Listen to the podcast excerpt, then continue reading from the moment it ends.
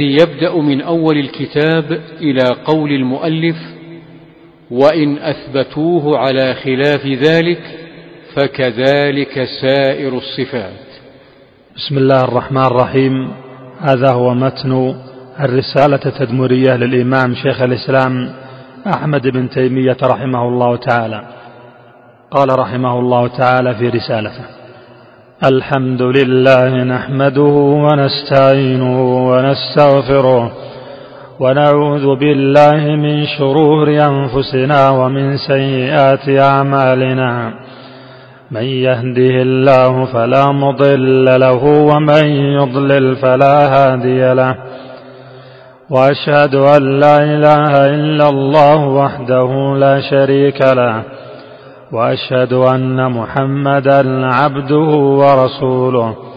صلى الله عليه وعلى آله وصحبه وسلم تسليما كثيرا.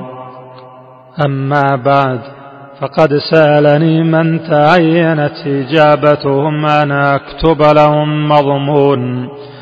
أن أكتب لهم مضمون ما سمعوه مني في بعض المجالس في بعض المجالس من الكلام في التوحيد والصفات.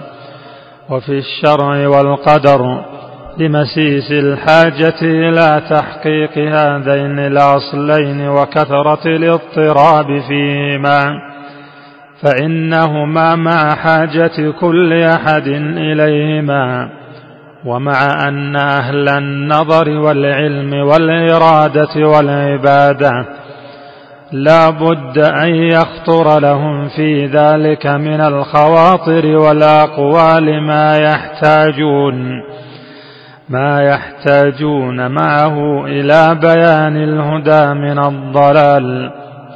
لا سيما مع كثرة من خاض في ذلك بالحق تارة وبالباطل تارات.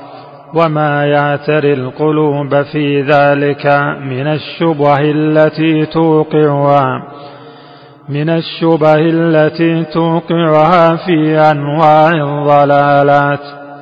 فالكلام في باب التوحيد والصفات هو من باب الخبر هو من باب الخبر الدائر بين النفي والإثبات.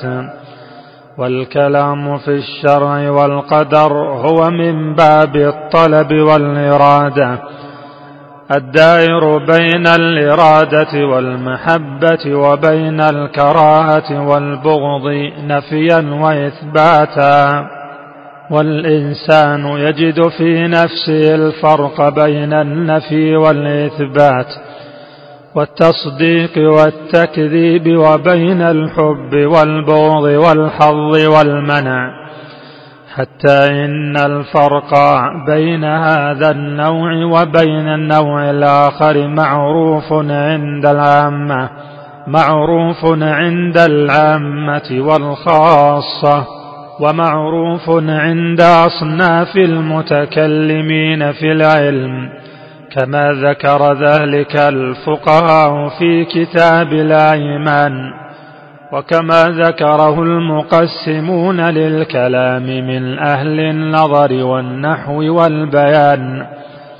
فذكروا أن الكلام نوعان خبر وإنشاء والخبر دائر بين النفي والإثبات.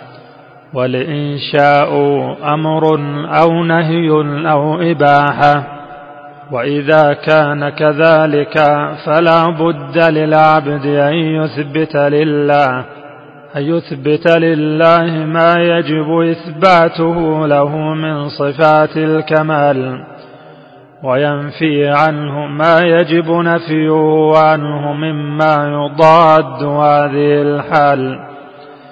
ولا بد له في أحكامه أن يثبت خلقه وأمره فيؤمن بخلقه المتضمن كمال قدرته وعموم مشيئته ويثبت أمره المتضمن بيان ما يحبه ويرضى بيان ما يحبه ويرضاه من القول والعمل. ويؤمن بشرعه وقدره إيمانا خاليا من الزلل. وهذا يتضمن التوحيد في عبادته وحده لا شريك له وهو التوحيد في القصد والإرادة والعمل. والأول يتضمن التوحيد في العلم والقول. كما دل على ذلك سورة قل هو الله احد. ودل على الآخر سورة قل يا أيها الكافرون. وهما سورتا الإخلاص وبهما كان النبي صلى الله عليه وسلم يقرأ بعد الفاتحة في ركعتي الفجر. وركعتي الطواف وغير ذلك.